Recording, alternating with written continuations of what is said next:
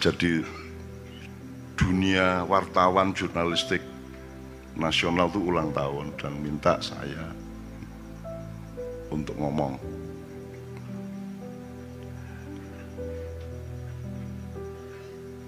Mungkin jamaah maknya sendiri tidak tahu bahwa saya itu meninggalkan koran dan televisi itu sejak tanggal 22 Mei 1998. Jadi hari kedua Soeharto turun. Itu saya meninggalkan dunia pers. Saya ketemu TV lagi ya TV-TV lokal seperti JTV, ADTV, TV 9. Itu pun juga posisi kerjasamanya beda dengan TV-TV zaman dulu dan saya juga tidak kami belum mengizinkan kalau yang syuting ini misalnya RCTI Indosiar Trans 7 tidak kita izinkan TV One jaluk ket bien apa mata najwa apa gig Andy segala dari ket bien jaluk apa ILC itu ket buwian jaluk dan aku gak tahu gelem. Karena saya sudah meninggalkan sejak 20 18 tahun yang lalu ya. Jadi teman-teman wartawan mengundang saya itu juga tidak ngeh bahwa saya itu sudah meninggalkan mereka 18 tahun. Sekarang Anda tahu nggak maknanya saya meninggalkan dunia pers? Aku lah penulis, bukuku sebetung puluh luwe. Nek ikut dianggap penggawean, ikut penggaweanku, dianggap pacul, ikut pacul kulang. Dianggap nafkah, ikut nafkahku. Kita betul. Dianggap singgarai aku dikenal sak Indonesia sak dunia kan mergo aku nulis di koran dan tampil di TV kan gitu. Itu saya tinggalkan. Berarti apa nek? Tak tinggali berarti apa? Yo gamek poso rek warungnya ditutup, ya toh? Gak oleh duit, gak oleh penggawean, nafkahku terancam, anak bujuku iso gak mangan lah ngono. Itu semua saya tinggalkan. Bukan hanya soal poso, tapi betul-betul saya tinggalkan. Padahal saya sebagai penulis esai terutama itu aku kisah tahu saat pertandingan Piala Eropa itu aku nulis limo tahu saat pertandingan tak tulis limo sisi budayanya sisi latar belakang pemainnya sisi tekniknya sisi apa namanya konstelasi tak tulis. Dan itu 10 menit 10 menit ping limo lah. Gak sampai sak jam oleh limo dan aku nulis kok ngising. Dari cerah cerah cerah cerah dan itu itu termasuk rahmat Allah kepada saya. Sampai hari ini aku gampang nulis itu gampang tak turuti gak leren-leren sembuh pirang ewu halaman. Nah, itu saya tinggalkan.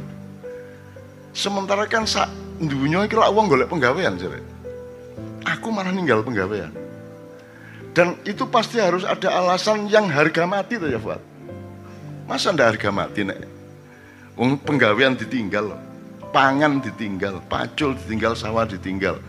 Dengan resiko keluargaku ya opo? Dengan resiko saya tidak mendapatkan akses dan aset. Ya, abot janire. Nek dipikir-pikir, cuman aku gak tahu ngerasa abot. Pokoknya aku ngelakoni ngelakoni Aku gak roh, aku roh iki bener tak lakoni titik. Nek untuk itu aku kudu mati ya mati oh. Gitu loh. Aku uripe ngono iku, pokoknya tabrak tabrak wis. Loncat masuk kan gitu. Aku mau bleng wis. Dan itu saya punya riwayat banyak dengan keluarga, dengan Cak Fuad, dengan ayah ibu dulu, keputusan-keputusan yang semacam itu.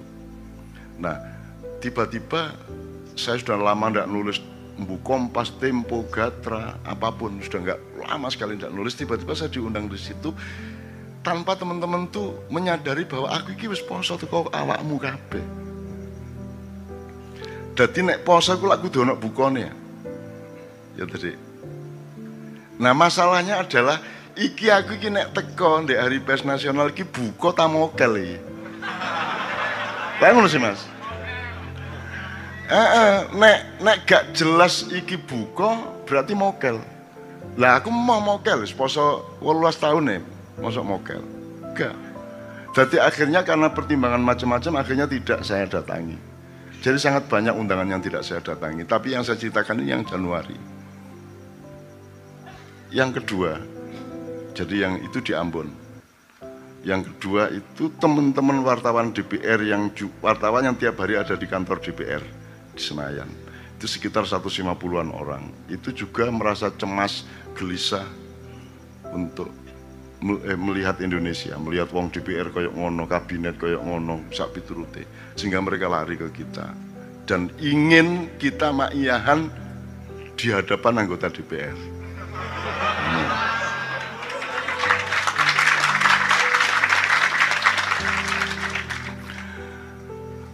Kan secara linear api tau karepe. Terus aku kan kondo arek-arek ngene lho, upama aku berangkat rono rek. Engko aku mesti dicekel kene iku karo malaikat Jibril. Sret. Lu enten apa? Ojo ojo gaya kon nun. Lu napa? Oh? Gusti Allah gak dirungokno apa meneh dapurmu.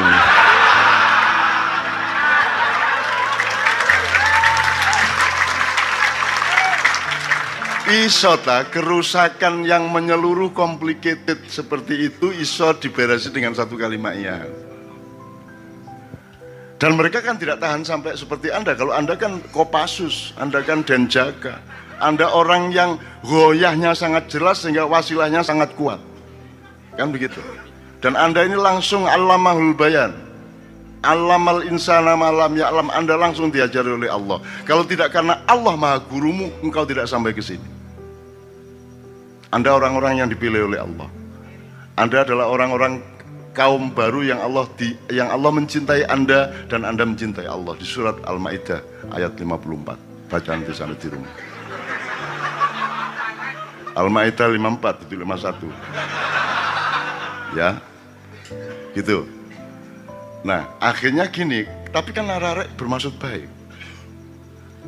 Bermaksud baik, karena api kepindahan Indonesia. Semua dan Indonesia semua itu gelisah. Makanya di Makyah kan kita terima semua. Ono sing sampai tahu biar datang Brawijaya kelima datang ke sini tak suruh naik. Jadi sing teko nanggon aku di Jogja iku ono sing pokoknya kepingin dandan di Indonesia ono sing liwat kebatinan fakultas A, fakultas B macam-macam corone. Dengan teori-teori ono sing teori Imam Mahdi, teori khilafah apa jane dunia ya khilafah sak dunia berarti apa? Khilafah Islamiyah yang di Lampung itu. Jadi saya kira ono khalifah Islam dunia nggone di Lampung. Dan aku dikon beat. Ya apa? Ya apa kan?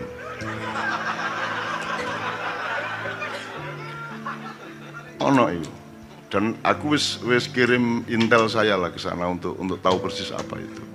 Macam-macam dan semua kita terima.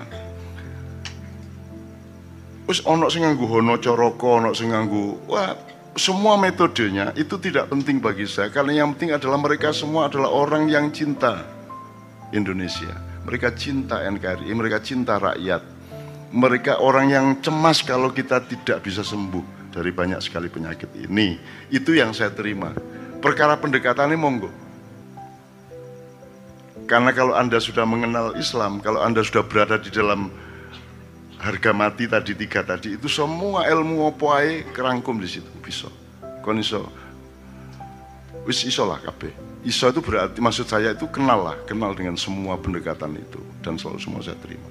Jadi akhirnya saya sarankan gini loh teman-teman, selama ada Indonesia Merdeka itu wartawan tidak pernah menjadi subjek primer dari pembangunan. Kalian hanya menjadi penonton dan pelapor. Itu pun kemudian kalian melaporkan atau menulis reporting tidak berdasarkan objektivitas dan alkis, tetapi berdasarkan kepentingan-kepentingan yang mendorong kalian datang kan gitu ada kepentingan pemihaan politik ada kepentingan bisnis ada kepentingan macam-macam nah harus lahir jurnalis baru kaum yang baru seperti di surat Al-Maidah 54 yang menyatakan kepada Republik Indonesia termasuk kepada orang-orang DPR bahwa Anda adalah subjek dari pembangunan di Indonesia. Anda adalah orang Indonesia, bukan orang yang nonton Indonesia. Kan gitu. Jadi tak kawan gawe tulisan engko nek wis bener bahwa wartawan itu bukan hanya penonton tapi wartawan itu juga pilar kelima dari demokrasi. Gitu kan? Pilar kelima kalau cari wong-wong sekolahan itu. Jadi anda ini subjek. Nah kalau genah omonganmu rasional akurat ada determinasi terhadap perkembangan zaman yang sekarang sedang berlangsung tak ewangi rek tak ewangi. Jadi andaikan makyahan di depan kantor DPR itu tidak makyahan sama orang DPR tapi untuk mewadahi wartawan-wartawan muda sing umurnya seawak-awakmu iki. Ya untuk menyatakan dirinya bahwa ada komponen dalam masyarakat Indonesia yang benar-benar cinta rakyat dan kesejatian NKRI itu. Si kedua sampai hari ini masih dalam proses kita uji tak konsetor pikiran-pikirannya ya opo dan masih dalam proses. Jadi kita belum tahu apakah terjadi apa tidak. Kalau yang hari pers nasional insya Allah tidak. Yang ketiga itu berlangsung sampai tadi siang. Jadi tadi malam itu dikejar terus endingnya tadi siang. Jadi Bu Mega PDIP itu minta betul untuk ulang tahun PDIP itu Kiai Kanjeng dan saya makiyahan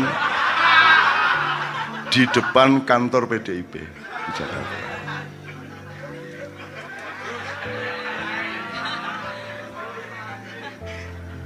Jadi waktu kayak takon ya apa ya apa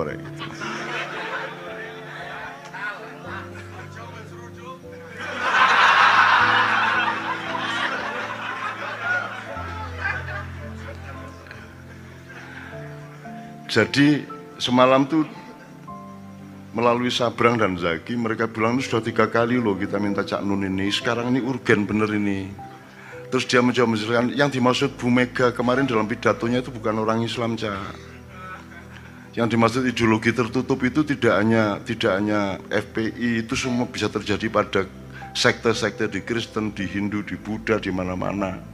Hmm. Saya kondo, Bu, wong Indonesia itu gak iso nerima lebih dari tiga kata bu. Jadi nek sampean jelas ngono iku kok gak dirungokno wis. Gak iso sampean jelas ngono iku. Wong Indonesia iku aja nganggo anak kalimat. Budi mukul anjing titik. Nek mau Jamil ngomong sholat subuh tidak wajib, koma, komanya gak diterusno, gak dirungokno. Pokoknya menurut Muzamil sholat subuh tidak wajib. Engkau koma kalau belum waktunya gak dirungokno wis. Terus gak kuat pikirannya. Gitu loh. Jadi sudah sumbu pendek. Jadi kalau saya datang ke kantor PDIP dengan Kiai Kanjeng, gimana sih Cak Nun itu? Sudah jelas dolim kok dia wangi wis ngono tok wis. Wis gak iso dijelasno apa-apa. Ya toh? Jadi paling gay bemper itu soalnya wingi wis kadung menyatakan gak percaya akhirat. Ngono wis pokoknya langsung ngono iku. Jadi saya tadi siang ditelepon lagi pas di rumah Cak Nang dan saya coba jelaskan. Gini loh. Bu sampean itu jangan ngomong politik. Ini saya beri tiket baik. Saya sampean jangan ngomong dengan kata-kata yang biasa dipakai oleh para politisi jadi ojo ono kata ideologi, kelompok, fundamentalis, id, apa, sekte, itu itu semua kalimatnya para politisi dan para aktivis. Sampean jangan pakai kata-kata itu. Coba belajar meletakkan diri sebagai ibunya wong akeh. Jadi omongan sampean tuh kasih sayang, pengayoman, cinta, kangen. Indonesia tidak punya ibu, tidak punya bapak ini anak yatim sa Indonesia kan. Piatu bisa. Mulane gelut ae nggih ta mboten. Gelut wong kan jelas bapak gak mboke. Jadi di Indonesia ini Anda tidak bisa berpihak ke FPI atau ke Bhinneka Tunggal Ika. Anda tidak bisa berpikir bahwa Anda mau pro Islamis atau pro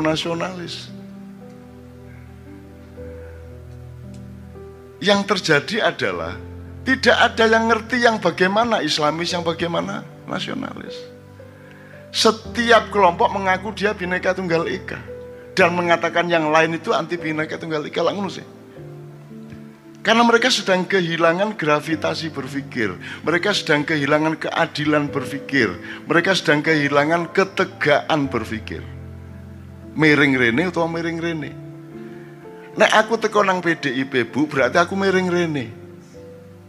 Terus kok diuring-uring karo sing kene.